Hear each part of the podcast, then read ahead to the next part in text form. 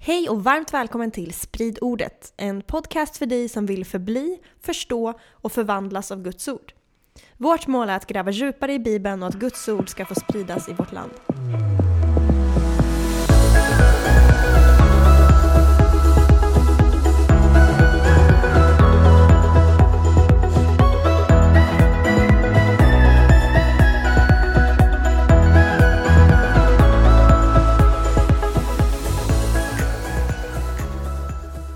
Profetier om Jesus. Alltså det finns så många i Gamla Testamentet. Det känns som att vi redan har pratat ganska mycket om det och det känns ändå som att vi bara har snuddat vid början.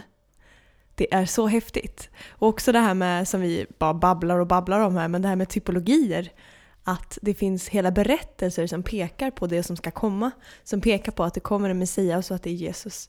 Eh, så häftigt! Och vi ska fortsätta på det temat. Vi har tagit oss förbi första Mosebok, tada! Och idag ska vi se vad finns det för profetiska bilder på Jesus i berättelsen om Moses. Och det är så spännande! Ja, eh, vi har äntligen som du sa kommit förbi första Mosebok. Det kanske inte är äntligen egentligen, för vi har, vi har ju som du sa, vi har bara snuddat vid det. Vi, det finns så mycket mer att hämta där också. Ja. Eh, så mycket mer och att det blir så outtömligt, det blir så svårt, vad ska man välja bort i allting hela tiden? Eh, men idag ska vi kolla på Moses berättelsen. Den är fantastisk eftersom Moses, han är huvudpersonen i Gamla Testamentet. Han är ju en väldigt central figur. Mm, och det refereras tillbaks till den här berättelsen många gånger. David skriver om det i flera salmer och det är en så här ständig påminnelse, hela berättelsen om Mose och hur hela folket gick ut ur, i, eh, gick ut ur Egypten, hur de blev befriade från slaveri. Det är ju en sån här berättelse som refereras till typ överallt. Ja, den, eh, det är ju den som på något sätt bildar folkets, eh, Israels folks identitet. Så det blir en väldigt naturlig berättelse. Och det är väldigt viktigt att vi gräver i den och får ut mycket av den. Och idag hoppas jag att vi kommer lämna med en ökad förståelse över hur övernaturligt allt det här är. Hur det pekar på Jesus igen, den här enade berättelsen. Jag ska säga att vi har ju gjort en episod tidigare i Greppa GT som hette Profeten som ska komma. Ja. Och då pratade vi lite om det här att det ska komma en profet som Moses. Yes. Det var Jesus då. Eh, och där, vi har ju mycket material där och så den om man inte lyssnar på den kan man lyssna på den episoden. Rekommenderar skarpt. Verkligen. Och där tog vi upp att det finns en profetia då i femte Mosebok som Moses själv får av eh, Gud. Och vi kan läsa den i femte Mosebok 18, 18-19. En profet ska jag låta uppstå åt dem bland deras bröder, en som är lik dig, och jag ska lägga mina ord i hans mun, och han ska tala till dem vad jag befaller honom. Och om någon inte lyssnar till mina ord, de ord han talar i mitt namn, ska jag själv utkräva det av honom. Exakt, och då tror man först att det ska vara Josua i berättelsen, för Josua kommer sen få, som kommer efter Moses, kommer få Guds, eh, Moses ande över sig. Men man märker i berättelsen att det var inte det ändå. Nej, det gick inte hela vägen Det gick fram. inte hela vägen. Sen det är lite kuriosa, det är att muslimer påstår att den här versen pratar om Mohammed. Jaha, Ja, vad tror du om det? Ja, vi vederlägger ju det ganska kraftigt då. Eh, det, det, det, det är inget, inget vettigt alls över- överhuvudtaget i det. Men det, det kan ju vara roligt för någon att veta det, att de tror det. Nu vet vi. Ja. Och det, det är så roligt nu att vi ska jämföra Moses och Jesus för att det är ju huvudpersonerna i respektive testament, testamente. Jesus är egentligen är huvudperson i hela Bibeln, också i Ja, de jag 39 säga. första böckerna, men Moses är ju ändå också någon form av huvudperson. Så det kommer bli jättespännande. Och Johannes 1, i Johannes evangeliet i Nya Testamentet, så kommer ju Johannes ge oss en fin kommentar där i vers 17. Han säger att lagen gavs genom Mose, nåden och sanningen kom genom Jesus Kristus. Så det finns kontraster mellan de här två. Mm. Och att Moses är större än, eh, Jesus är större än Moses. Och eh, jag har gjort en lista med lite paralleller mellan Moses och Jesus. Och jag hittar minst 78 stycken. Det, var, det var en lång lista. Ja, men jag kommer inte gå igenom alla här, men det är starkt. Det finns ännu mer än 78, garanterat. Eh, Men det är spännande. Men vi, vi kör Moses berättelse så ser vi hur den leder oss till Jesus och hur det här Bibeln är en enad berättelse. Ja. Så Moses berättelsen börjar i Andra Mosebok och den inleds med att Israel, då, folket, de har ju kommit ner i Egypten precis. I Josef-berättelsen kom de ner där som 70 pers ungefär. Eh, vissa manuskript säger 75. Ja, 70 eller 75 stycken. Ett gäng folk. Ett gäng folk kommer ner där och förökar sig i Egypten. Och de har ju ha- hamnat där i samband med den här Josef-storyn och eh, de blir jättemånga och det sker över flera generationers tid. Och sen så står det någonting spännande där i Andra Mosebok 1.8. En ny kung framträdde i Egypten, en som inte kände till Josef. Dangerous. För Josef hade ju varit beskyddet för det här israeliska hebreerna, hebreerna som de, vi, de kallar, vi kallar dem nu för tiden. Vi pratade om Josef i förra avsnittet, så om ni inte har lyssnat på det så tips igen. Ja, exakt. Och eh, fun fact varför de kallas hebreer, vet du det? Nej. Nej, det, det, det, det, hebreiska eh, iv, ivrit, ordet för hebreiska, och hebreer kom, kommer då från den ordroten, ever, som betyder passe, alltså passera eller korsa, gå över. Så får de namnet hebreer för att de korsar Röda havet. Ja, exakt. Det verkar som det är där ursprunget till deras namn är. Att de korsar havet så. Att Guds folk är sådana som korsar över, går över till andra sidan. Lämnar det gamla och kliver in i det nya. Fyndigt. Vilket på ett sätt du och jag är ju då hebreer på ett sätt. Att vi är sådana som korsar över. Hebreiska hedningar. ja, lämnar det gamla, kliver in i det nya. Men i alla fall, berättelsen börjar i alla fall då i Andra Mosebok med att en kung trädde fram i Egypten som inte kände till Josef. Det är några, något sekel efter Josef. Och eh, farao känner sig hotad av de här israelerna för de växer sig till, de blir starka och han vill kasta barnen i Nilen. Alla barn eller bara... Bara pojkarna. Ja. Mhm. Men barnmorskorna i Egypten, de fruktar Gud och de vågar inte döda barnen. Det var ju smart. Verkligen smart. Så det är faktiskt så att alla kvinnor kommer samman här för att eh, rädda. Det är starkt. Who run the world? Girls. men, ja, men verkligen, för kvinnorna, barnmorskorna kommer fram. Och sen är det ju Moses mamma som eh, föder. Eh, vi kan läsa det i Andra Mosebok 2, från vers 1. En man av Levis stam tog till hustru en levitisk kvinna. Hustrun blev havande och födde en son. Hon såg att det var ett vackert barn och höll honom gömd i tre månader. Men när hon inte kunde gömma honom längre tog hon en korg av papyrus och strök på jordbäck och kära, la barnet i korgen och satte den i vassen vid Nilens strand. Exakt. Och sen så kommer det ju vara Miriam som, vakar, eh, som är Moses syster som kommer vaka över den här korgen och se till att den kommer i rätt händer och ser att den kommer då i till, eh, oj nu står det still i mitt huvud, är det Faros dotter kanske det? Jag Ja. tror, ja det är Faros dotter. Eller som- är det barnbarn? Ja, det är någonting sånt där. Prinsessan Ja, helt enkelt. Hon lägger märke till det i alla fall, att eh, det här barnet, och plockar upp det. Jo, det är Faros dotter. Och får moderkänslor. Så du säger det är bara kvinnorna som kommer samman här och eh, räddar det här barnet. Eh, intressant. Girl power. Men det spännande är då att den här Moses mamma som lägger ner Moses i vassen, det står att hon lägger honom i en korg. Ordet är teiva. Det har vi haft en gång tidigare i Bibeln. Yes. Arken. Noas ark. Och Så någonting som flyter på vatten som räddar liv. Så det här ska få oss att börja tänka på vad då för något? På Noa. Och det ska få oss att tänka på, okej, den här Moses, han får namnet Moses sen för de drar upp honom i vassen. Och Moses betyder dra upp. Så det blir hans namn. Sjukt konkret. Ja, verkligen. Men då blir det som att, okej, alla pojkar håller på att drunkna i Nilen på grund av faraos ondska.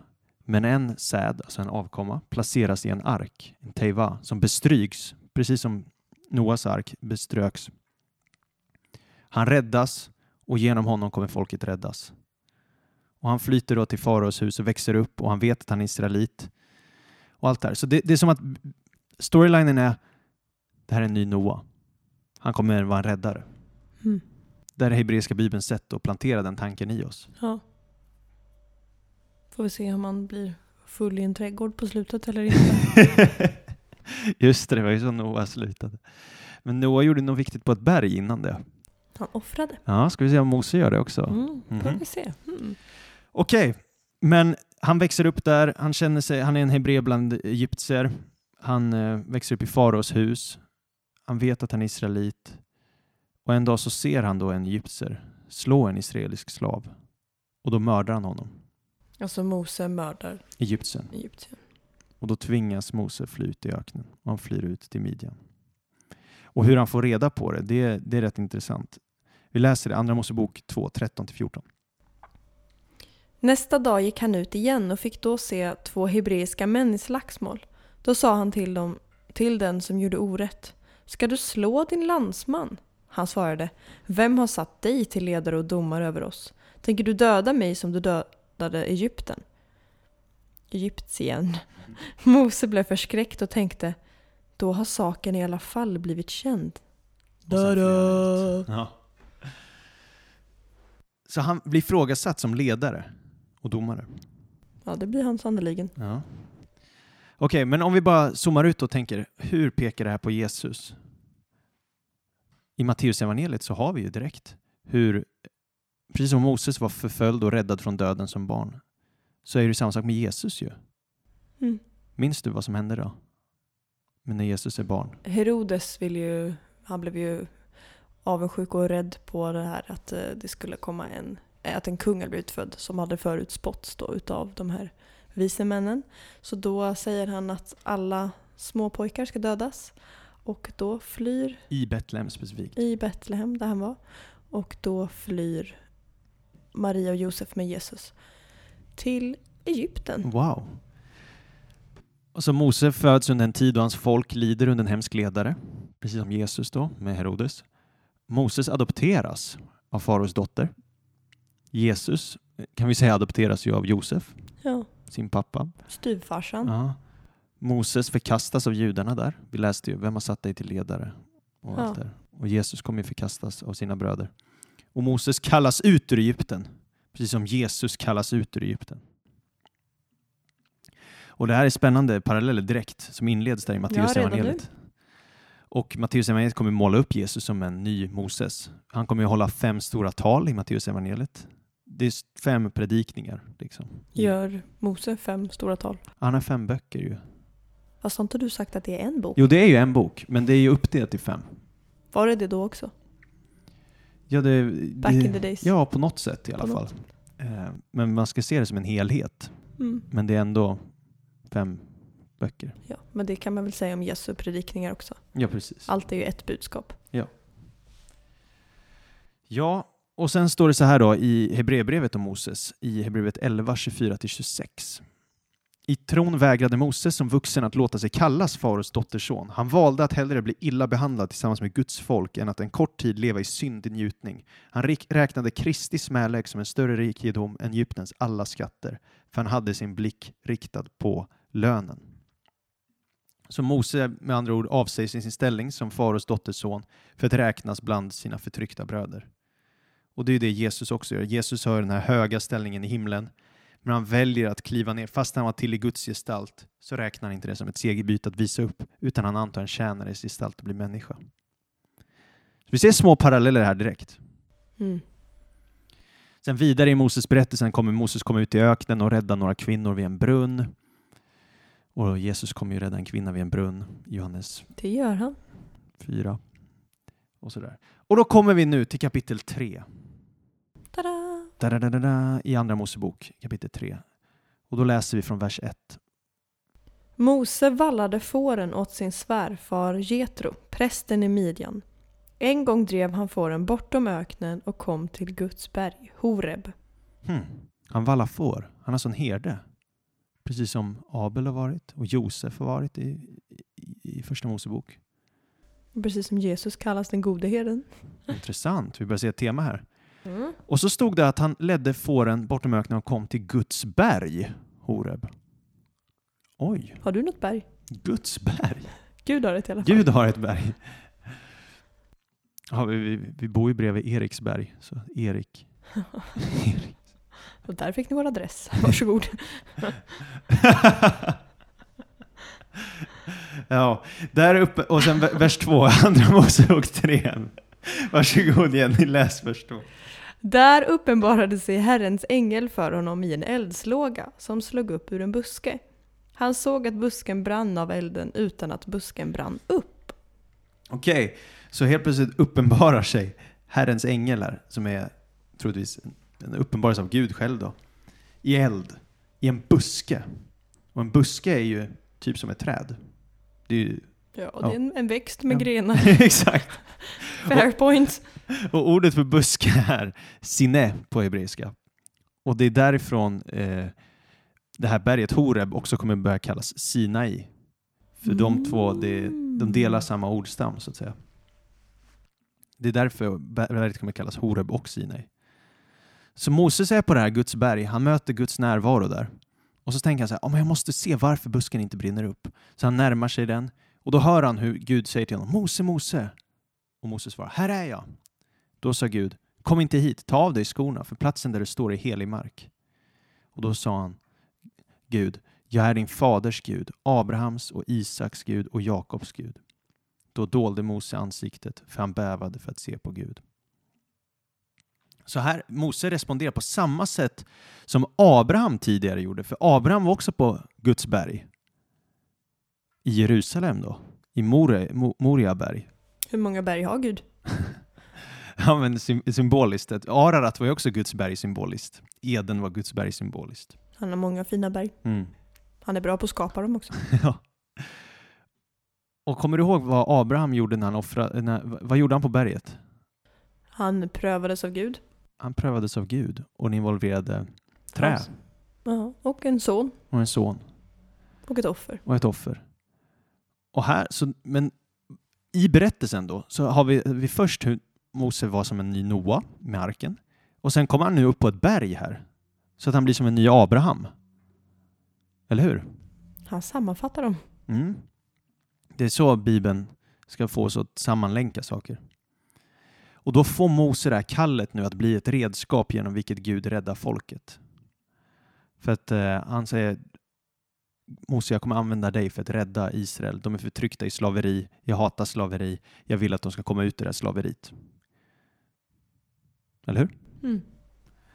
Och det är viktigt att det sker där i samband med trä också, för att det är trä på ett berg som Abraham ägnade sig åt eh, och det är det Jesus ägnar sig åt sen. Det gjorde han. Och Eden var ju också ett träd på Ja. ett berg. Ja. Vad händer sen då när Mose får det här kallet? Säger han bara yes, let's go eller vad är det han gör? Han säger att han inte kan. Hur ska jag klara av det här, säger han. Ja, vi läser det i Andra Mosebok 4. Yes. Börjar från vers 1. Mose svarade. Men om de inte tror mig och inte lyssnar på mina ord utan säger Herren har inte uppenbarat sig för dig. Då sa Herren till honom. Vad är det du har i handen? Han svarade. En stav. Han sa. Kasta den på marken. När han då kastade den på marken förvandlades den till en orm och Mose flydde för den. Men Herren sa till Mose. Räck ut handen och tag den i stjärten. Då räckte han ut handen och grep ormen och den förvandlades åter till en stav i hans hand. Herren sa, genom detta ska de tro att Herren, deras fäders Gud, Abrahams Gud, Isaks Gud och Jakobs Gud har uppenbarat sig för dig. Man vill ju inte läsa vers 4 out of context. Räck ut handen och ta den i stjärten. Ja. Det spårar här. Ja, och jag vet inte, alltså egentligen, har du tänkt på man ska in, Jag har ju sett Discovery Channel och de här, alla de här, man ska ju inte ta en orm i stjärten. Nej, man ska ta precis bakom huvudet? Ja. för då kan de inte vända sig om. Tillit till Gud här alltså. Ja, verkligen. Mycket mod. Men poängen med den här berättelsen det är att Gud har gett Mose övernaturliga krafter och han har fått makt över ormen. Så är det. Och det ska föra oss tankarna till eh, den första profetian någonsin i Bibeln, Första Mosebok 3.15, där Gud själv ger en profetia till Eva. Och, eller han, han säger det direkt till ormen också. Gud talar direkt till ormen. Och om vi läser det, Första Mosebok 3.15, vad Gud säger till ormen. Jag ska sätta fiendskap mellan dig och kvinnan och mellan din avkomma och hennes avkomma. Han ska krossa ditt huvud och du ska hugga honom i hälen. Så där har vi det. Att det behövs någon avkomma, en kvinnas avkomma, som krossar ormens huvud.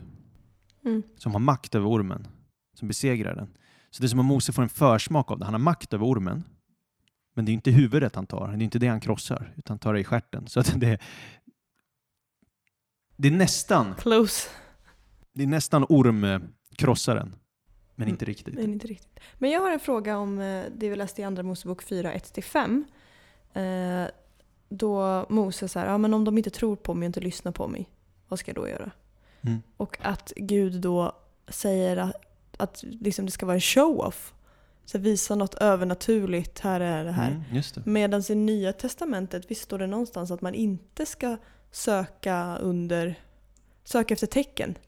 Ja, Jesus säger att ett ont släkte kräver tecken. Ah, så det är ett ont släkte de ska visa upp det för? ja, jag vet inte. För det finns ju också... Samtidigt, Jesus bekräftade ju att han var från Gud med tecken under. Ja. För om han bara hade gått runt och undervisat, det hade ju varit lite sketchy. Men visst är det också när Jesus förs till, är det Herodes som förs till? När han eh, har fått liksom sin död, eller han ska få sin dödsdom. Pilatus. P- Ja, men Mm. visst förs han då till typ Herodes och han vill, har länge velat se Jesus. Ja, just det. För att han ja, har hört om så här. Just det. Är det inte lite sådär också då att han vill se tecken eller något? Ja, precis. Ja, just det. Ja, men då, men då visar ju Jesus ingenting. Nej, Men här är det helt enkelt för att Det här är omständigheterna tecken för- kräver det. det är också ett tecken för Mose specifikt, för hans kallelse specifikt. Att Mose ska veta att Gud är med honom, för han tvivlar ju på sig själv också. Mm. Och så säger Gud, ja men det här är vad du har. Och jag har gett dig makt över ormen. Här Alltså, får du en orm. Ja. Så det, det är jätteintressant. Och sen har vi den här storyn hur Mose går till Egypten, han möter sin bror Aron och tillsammans så sk- ska de konfrontera farao. Och då är det ju tio plågor. Farao förhärdar sitt hjärta och till slut förhärdar Gud faraos hjärta. Eftersom farao förhärdat sitt hjärta så många gånger så Gud överlämnar honom helt åt den beslut han redan fattat. Och Mose räddar ju folket genom de här plågorna. Och den sista plågan är ju då eh, Död. Död, ja. Död av de förstfödda. Mm. Och då för att undslippa det här måste man, stryka, måste man ta ett lamm, döda det, stryka dess blod på dörrposterna. Och det blir den första påsken. Mm. Och påsken är ju en otroligt stark bild på Jesus. Det är därför han kallas Guds lamm i Nya Testamentet. Och Ja. han kallas påskalamm till och med i Första Korinthierbrevet. Men vi kommer inte kolla på det nu, även om det är typ mind-blowing experience Mm. och det är jätteviktigt. Men det, det kommer vi inte ens ta i den här serien, Profetia om Jesus, utan vi får göra en annan serie någon gång, tänker jag, som får handla om Herrens högtider. För Gud har Ja. vissa högtider han firar. Och så får vi gå igenom det. Påsk, att pingst och, ja, och hösthögtider och sånt där. Men i alla fall, sen går ju folket genom vattnet. Mose leder ju dem ut ur vattnet, eh, Röda havet. Det delar på sig Mm. och ut i öknen. Jätteintressant. Och det finns en passage i Första Korinthierbrevet 10 som, eh, som jag ska ta fram här och läsa för oss. Det är i Nya Testamentet och Paulus säger att det är en andlig lärdom i det som hände där. Bröder, jag vill att ni ska veta att alla våra fäder var under molnskyn och att alla gick genom havet. För det kom ju också ett moln sen som ledde dem. Gud Precis. uppenbarar sig ett moln. Så alla blev i molnskyn och i havet döpta till Mose.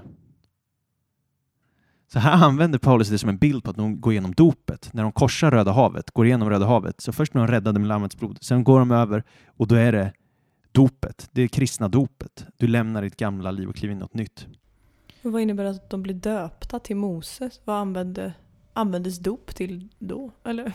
Nej, det, det blir bara en förandligande bild av det. De, Ja. de blev ju inte eh, bokstavligen döpta som vi kristna idag döper oss i Jesu namn. Nej men vad, jag menar vad innebär det att de blir döpta till Mose? Att man blir döpt till en... Och till en ledare. De, de blev ju räddade från Ja. Egypten in i det nya fria. Genom Moses står den här ledaren. Det är väl så jag tänker. Ja. Eller? Det låter rimligt. Men blir vi döpta till Jesus då? När vi Ja. döps? Amen. Säger man så? Ja, och döpt i Jesu namn. Vi är i, iklädda honom. Ja. Ja. ja. Mm. Men när de i alla fall gått igenom vattnet och ut i öknen, då har vi en märklig berättelse. Och den här vill jag ta med, för jag, tror att det här är en sån här, som bibelläsare, vi- man läser den och så, så bara fattar man inte. Och det var när jag förberedde mig inför det här, jag bara, jag har aldrig riktigt fattat den här, så jag ska gräva och gräva och gräva i den. Och nu, nu, nu tror jag verkligen att vi, vi har något här. Så om vi, om vi, ja, det är spännande. Om vi läser Andra Mosebok 15, 22 till eh, 27. Vi läser alltihop. Och detta är eh, efter att de har gått igenom Röda havet. Det är precis efter de eh, bröt upp från Röda havet. Därefter lät Mose Israels barn bryta upp från Röda havet och de drog ut i öknen Tjur. Under tre dagar vandrade de i öknen utan att finna vatten. Sedan kom de till Mara, men de kunde inte dricka vattnet där eftersom det var bittert. Därför kallade de platsen Mara. Mara betyder bittert. Tack. Då knotade folket mot Mose och sa Vad ska vi dricka? Men han ropade till Herren och Herren visade honom ett slags trä. Han kastade det i vattnet och då blev vattnet sött. Där fördel, f- fördelade, Förelade han. förelade han folket lag och rätt och där satte han det på prov. Han sa om du hör Herrens din Guds röst och noga lyssnar till hans bud och håller alla hans stadgar ska jag inte lägga på dig någon av de sjukdomar som jag la på egyptierna.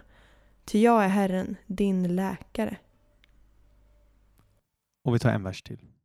Sedan kom de till Elim, där det fanns tolv vattenkällor och 70 palmer och de slog läger där vid vattnet. Vilken märklig berättelse. Ja, det var skumt. Det är som att, okej, de kom, Gud har precis räddat dem mirakulöst och sen är de tre dagar i öknen och har inget vatten så de håller på att dö för man behöver vatten för att leva. Mm, det är smart. Och då, blir, och då blir de helt förstörda och så hittar de en vattenkälla men då är det bittert vatten som de inte kan dricka. Och det är som att de blir prövade av Gud och de börjar knota och klaga så att folket misslyckas med prövningen Men som tur var får de ändå vatten. för att Moses lyckas och deras vägnar. Ropar, bönar och ber. Och, och det roliga med det här är att det här är som att den här berättelsen är som en miniberättelse av hela Bibelns berättelse. Okej, hur då? För att om det, det är bara sex, sju verser, men människorna har ett val mellan liv och död här. De, de, de, de prövas av Gud. De prövas vid ett träd. Det finns träd där. Folket misslyckas, men en lyckas och deras vägnar, och det är Moses. Och han kliver in i deras ställe, ropar till Herren, kliver in som förebedjare och förvandlar det bittra till sött och gör så att de kan leva igen. Och det blir välsignelse för dem. Så jag ska utveckla det här lite och sen får du eh, ställa massa frågor och eh, put me against the wall. Liksom. Så de går tre dagar utan vatten. Och vatten i Bibeln symboliserar ju liv. Så de vandrar genom dödens land i tre dagar och de är vid en bitter plats. Folket börjar klaga på Moses och Moses ropar till Herren.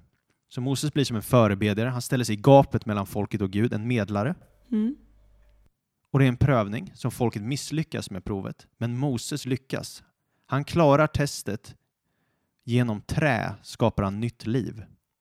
För han tar en träbit och kastar den i vattnet och så som Gud visar honom och då blir vattnet sött. Och det här ska då vara en bild på att Jesus medlar för oss, eller? Ja, precis. För att Han dör Bibeln på börjar... Ja, korsets trä. ja, exakt. För Bibeln börjar ju där vid Eden. Och då är det ju en prövning vid ett träd. Mm. som människan misslyckas med. Eh, och sen har du trä som i Noa-berättelsen. Då är det en träbit de åker upp på, upp på berget och så offrar de och det leder till frälsning. Och så är det Abraham och Isak på ett berg med trä. Mm. Nu är det här inte vid ett berg, men det är ändå en prövning som involverar trä. Och folket misslyckas prövningen och Moses räddar dem genom trä. Så räddningen är genom trä. Och efter det förs de till Elim. Elim betyder typ, eh, jag för mig det betyder ekar eller något sånt där. Alltså ekträd, Ja. terebinter. Och det blir som att de kommer till ett nytt Eden, till ett nytt paradis, för då är det 12 vattenkällor och 70 palmer. Vilket då blir någon form av symbol på fullkomlighet, alltså det är ett paradis. Det var nog kanske inte bokstavligen 12, stam, äh, vill säga 12 vattenkällor och 70 palmer där, utan det är Hur vet du det? ja, men det var någon poetisk bild då på att Moses leder dem till paradiset. Så genom trä så leder han dem till paradiset. Och det låter väl som Jesus, eller? Det gör det. Vi misslyckas folket, eh, Jesus kliver in med trä, Mm. eh, förvandlar han död till liv så att vi kan föras in i paradiset.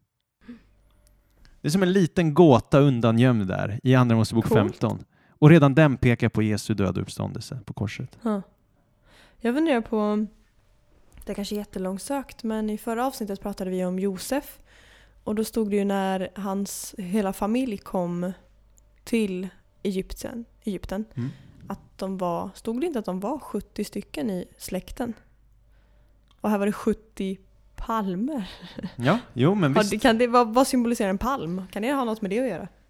Ja, jag, jag, jag vet inte vad palmer symboliserar, jag minns inte riktigt. Det står ju i psalm 91 att de rättfärdiga grönskar som palmer, men alltså, jag tänker mig att 12 är ju antalet stammar och 70 är antalet avkomlingar från Jakob. Så det, det är ju att det kanske är att det är nog för alla. Det räcker till för alla. Mm. 12 vattenkällor till 12 stammar och 70 palmer till ja, hela familjen. Då. Nu är de ju nästan två miljoner då, människor men, när det här än- händer. Men ja, den bilden tänker jag. Ja, det får man gräva lite mer i. Men eh, nu ska vi röra oss vidare mot Sinai berg och eh, kolla på mm, det som verkligen pekar på Jesus. Då.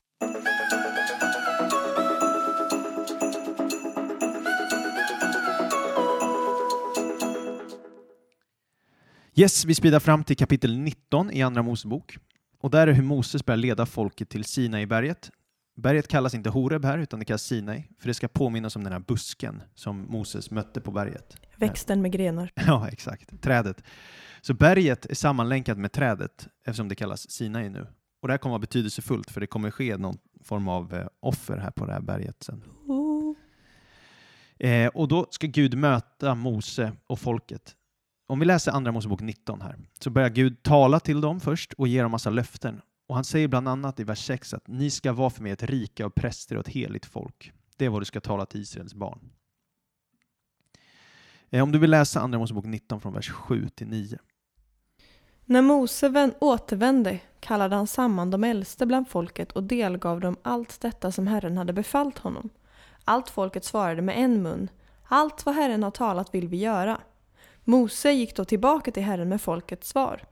Och Herren sa till Mose, Se, jag ska komma till dig i ett tjockt moln för att folket ska höra när jag talar med dig och sedan för alltid tro på dig. Ja. Och sen kommer Gud på det här berget. Folket blir livrädda. I ett stort moln då? Ja, i ett stort moln, precis med ett stort basunljud också. Och de blir så rädda och de säger till Moses eh, att eh, Moses, du får tala till oss eh, och inte Gud, för vi klarar inte av att höra Guds röst. Där. Och då står det i Andra Mosebok 20, 18-21 att folket var vittnet till det här dundret och eldslågan och basunljudet och rökelsen från berget och de blev bävande och de höll sig på avstånd. Och, och, och så säger de till Mose, tala till oss eh, så ska vi höra, men låt inte Gud tala till oss för då kommer vi dö. Och så här, de blir livrädda. Men i den här episoden i alla fall, det är då Moses får de här berömda tio budorden. Och så får han massa lagar utöver det. Och så är han uppe på berget i 40 dagar och 40 nätter. Och medan Mose är uppe får de här tio budorden och får alla fler lagar och han får instruktioner om hur tabernaklet ska se ut. Tabernaklet som också är en stark bild på Jesus, mötesplatsen mellan himmel och jord Mm. och hur det ska vara bland folket. Medan han får alla de instruktionerna, då gör folket någonting annat. Inte bra. Inte bra. Inte bra. Vad är det folket gör i Andra Mosebok 32 medan Moses är på berget? När folket såg att det dröjde innan Mose kom ner från berget samlades de kring Aron och sa till honom Kom och gör oss en gud som ska gå framför oss. För vad som har hänt den där Mose som förde oss upp ur Egyptens land, det vet vi inte. Så folket vill inte, vill, de har tröttnat på Mose, han har varit borta i några dagar. Nej, han, det, det, han kommer nog inte tillbaks. det är ju helt sjukt. Alltså Gud sa ju till och med att du ska få vara i ett moln för att de eh, ska tro dig. Ja. Tro allt du säger. Och ändå så ser de där stora, stora tecknen som Gud gör och ändå så bara äh, Mose dog nog där uppe. Ja. Skit i honom. Och så det här, gör oss en Gud som kan gå framför oss. Och så gör de en guldkalv. Den kan väl inte gå framför dem heller? Måste ju de konka runt på. Det Ja. är bara jobbigare för dem. verkligen. Det är så verkligen. sjukt ologiskt på något sätt. Ja, och det är, mänskligt beteende är väldigt ologiskt. Ja, och vi har en förmåga att glömma. Vi har en väldigt bra förmåga att glömma. Och om vi läser det, Andra Mosebok 32, eh, 4-5, ska vi också se vad det är för typ av avgud. Han tog emot guldet och gjorde av det en gjuten kalv som han formade med en mejsel. Och de sa Detta är din Gud Israel som har fört dig upp ur Egyptens land. När Aron såg detta byggde han ett altare framför den och utropade Imorgon är det en Herrens högtid. Men va? Ser du vad jag ser? De bara påstår att den här kalven har fört oss ut, men den var, fanns inte ens innan de blev förda Mm. ut. Och inte bara, det, inte bara det. Vers 5 säger Aron också Imorgon är det en Herrens högtid. Ja, En vilken herre Javé, menar han då? Javé, det är eh, Guds namnet. Och varför ska, säger han det? Är inte det här otroligt?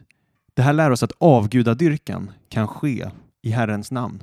Det är inte Herren, men de kallar det Herren.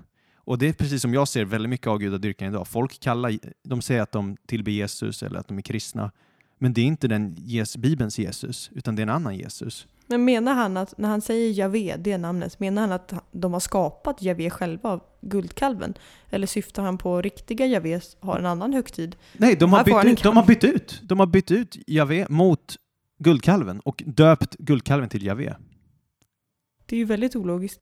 Ja, fast det, det är så människor gör idag. Alltså det är hur många som helst som säger typ, jag tror på den här Jesus, inte på Bibelns Jesus. Då har man ju skapat en Jesus i sin avbild. Ja, det har man ju faktiskt. Och det är den farligaste typen av avgudadyrkan.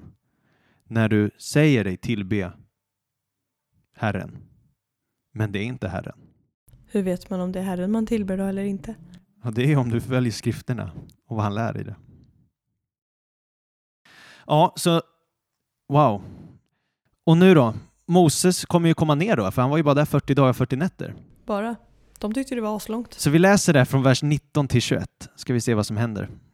När sedan Mose kom närmare lägret och fick se kalven och dansen blev han så upprörd att han kastade ifrån sig tavlorna och slog sönder dem nedanför berget. Och han tog kalven som de hade gjort och brände den i eld och krossade den till stoft.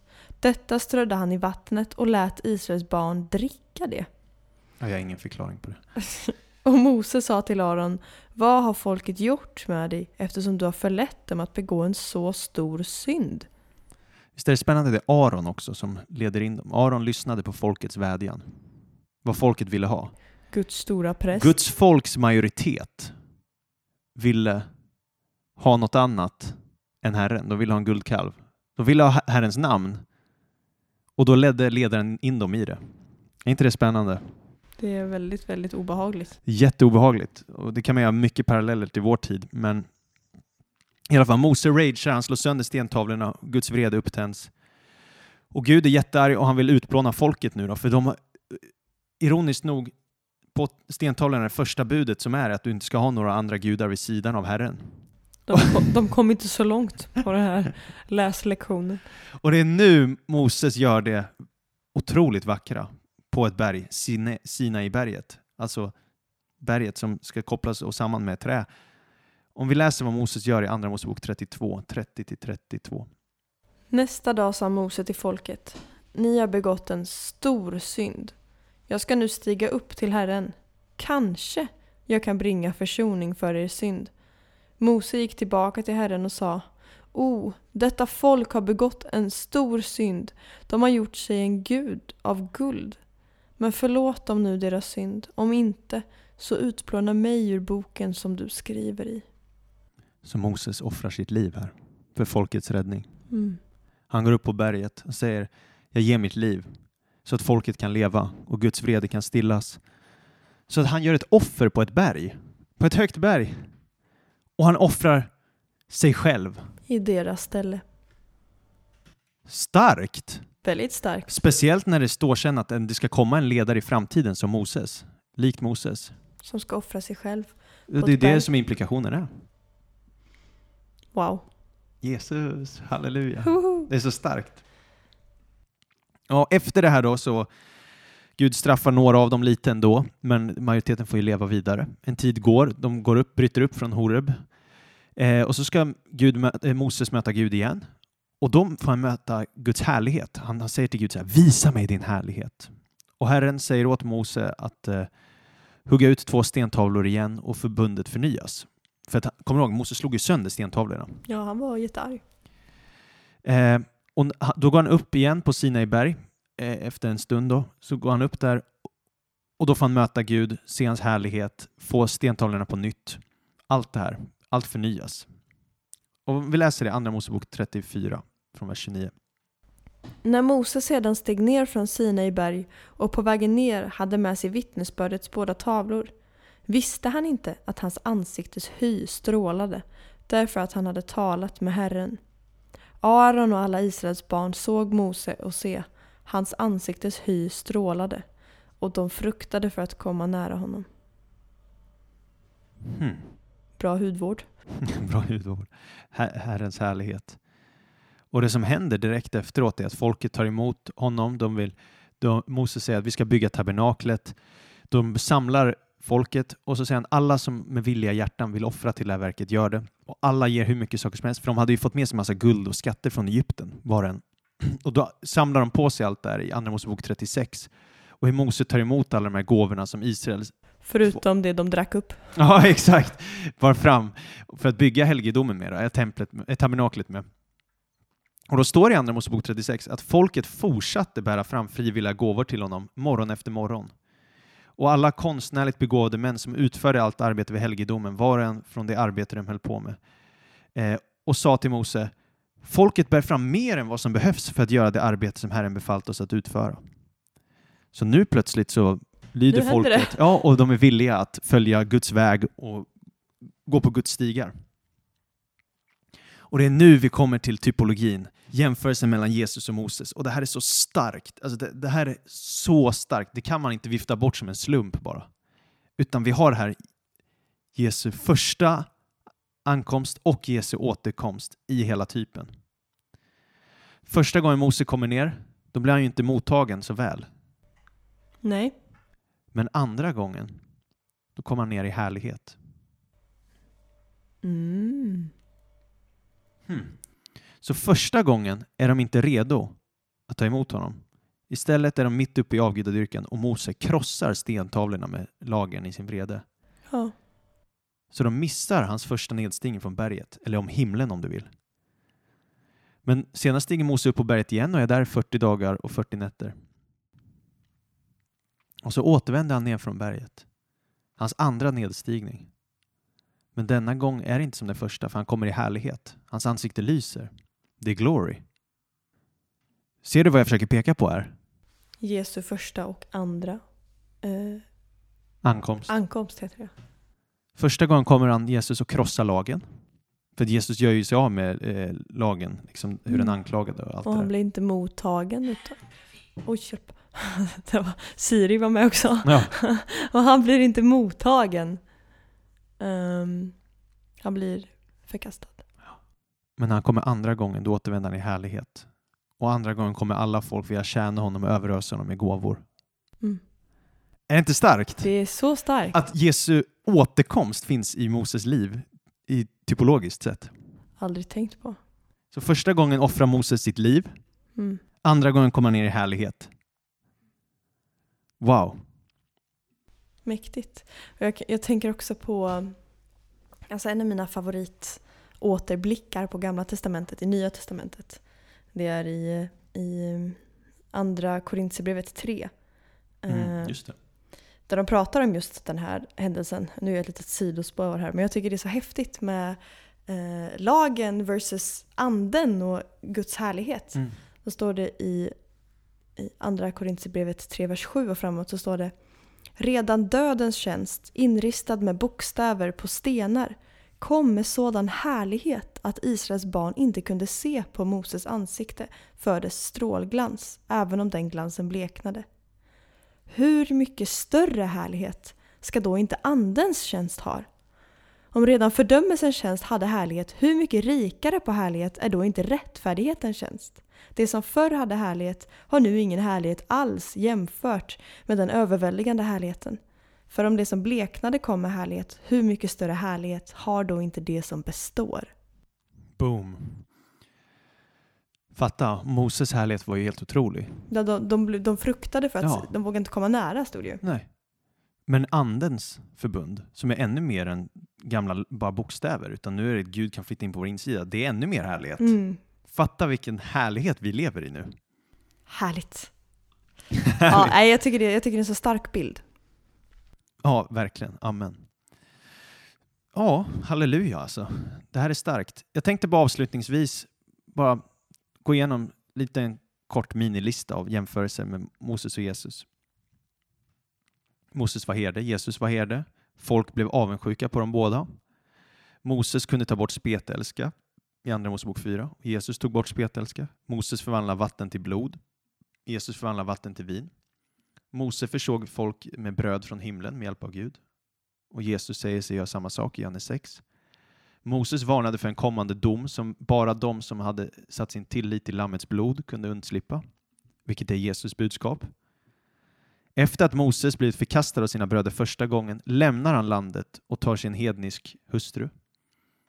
Efter att Jesus blev förskjuten av sina judiska bröder lämnar han jorden och tog sin hednisk brud i församlingen, kyrkan. Både Mose och Jesus var lärare, profeter, präster, kungar och domare. Faktiskt, Moses liknar vid en kung, liknas vid en kung i femte Mosebok 33. Moses framställs som den mest ödmjuka mannen någonsin i fjärde Mosebok 12. Den du. Och Jesus Kristus är den mest ödmjuke som levt, för han ödmjukade sig från alltså vara Gud till att bli människa och tjänare. Halleluja. Mose kontrollerade Röda havet övernaturligt. Jesus kontrollerade ju dels Galileen övernaturligt och så gick han ju på vatten. Det gjorde han. Några ur det hebreiska folket ville stena Moses och detsamma gällde Jesus. Och när Aron och sönerna skulle invigas som präster, då är det Moses som tvättar, smörjer och klär dem och insätter dem i tjänst. På samma sätt som när vi ska vara präster åt Jesus Kristus, då är det han som tvättar oss, smörjer oss och klär oss och insätter oss i tjänst. Och det är också han som tvättar lärjungarnas fötter. Amen. Exakt, och Moses sände ut så här tolv spejare in i det förlovade landet. Och när Jesus ska bereda vägen för himmelriket, då sänder han ut tolv apostlar. Ja, och första gången Moses kliver ner från berget, då är folket inte redo. Och första gången Jesus klev ner från himlen, då, då var ju folket inte redo. Judarna var inte redo att ta emot sin Messias. Och han gråter över Jesus. Han gråter över Jerusalem. Han är helt förkrossad för att han ville verkligen att de den dagen skulle ta emot honom. Och det här är i Matteus 23, hur han bara gråter. Tänk om ni visste vad som verkligen skulle ge er frid. Hur ofta har jag inte velat samla er som kycklingar under vingarna, men ni vill inte. Så här, Jesus är helt förstörd. Ja. Och sen när eh, Mose kommer ner från berget andra gång, då kommer han i härlighet. Jesus kommer komma till jorden en andra gång i härlighet. Både Jesus och Moses döda kroppar var omtvistade. Läser vi om i Judasbrevet, hur ärkeängeln eh, Mikael tvistar med Satan om, om eh, Moses kropp. Och Jesus kropp var ju självklart omtvistad i samband med hans begravning. Eh, och Moses dör ju sen på ett högt berg i 5 Mosebok 34.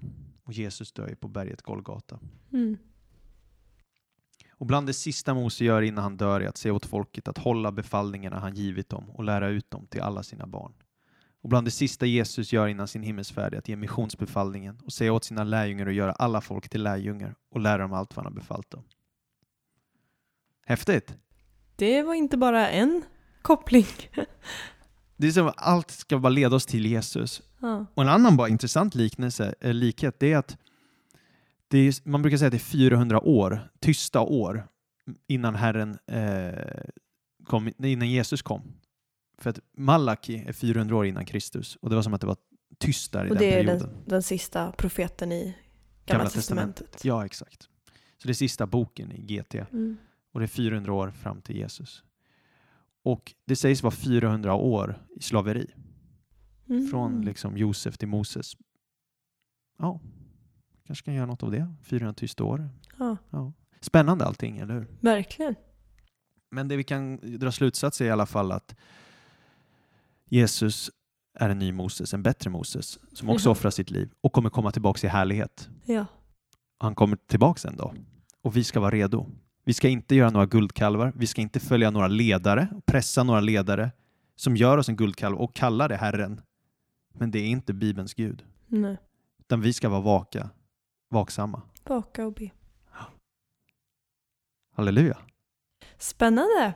Så många bilder på Jesus överallt. Det är, ja, det är mycket, mycket att ta in. Det är mäktigt. Väldigt mäktigt. Amen. Amen på det. Tack att ni har lyssnat. Hoppas ni har, precis som jag, lärt er någonting. eh, hör gärna av er. Eh, Jenny Eurell eller Petrus Eurell på sociala medier. Eh, keep going. Vi hörs. Ha det bra!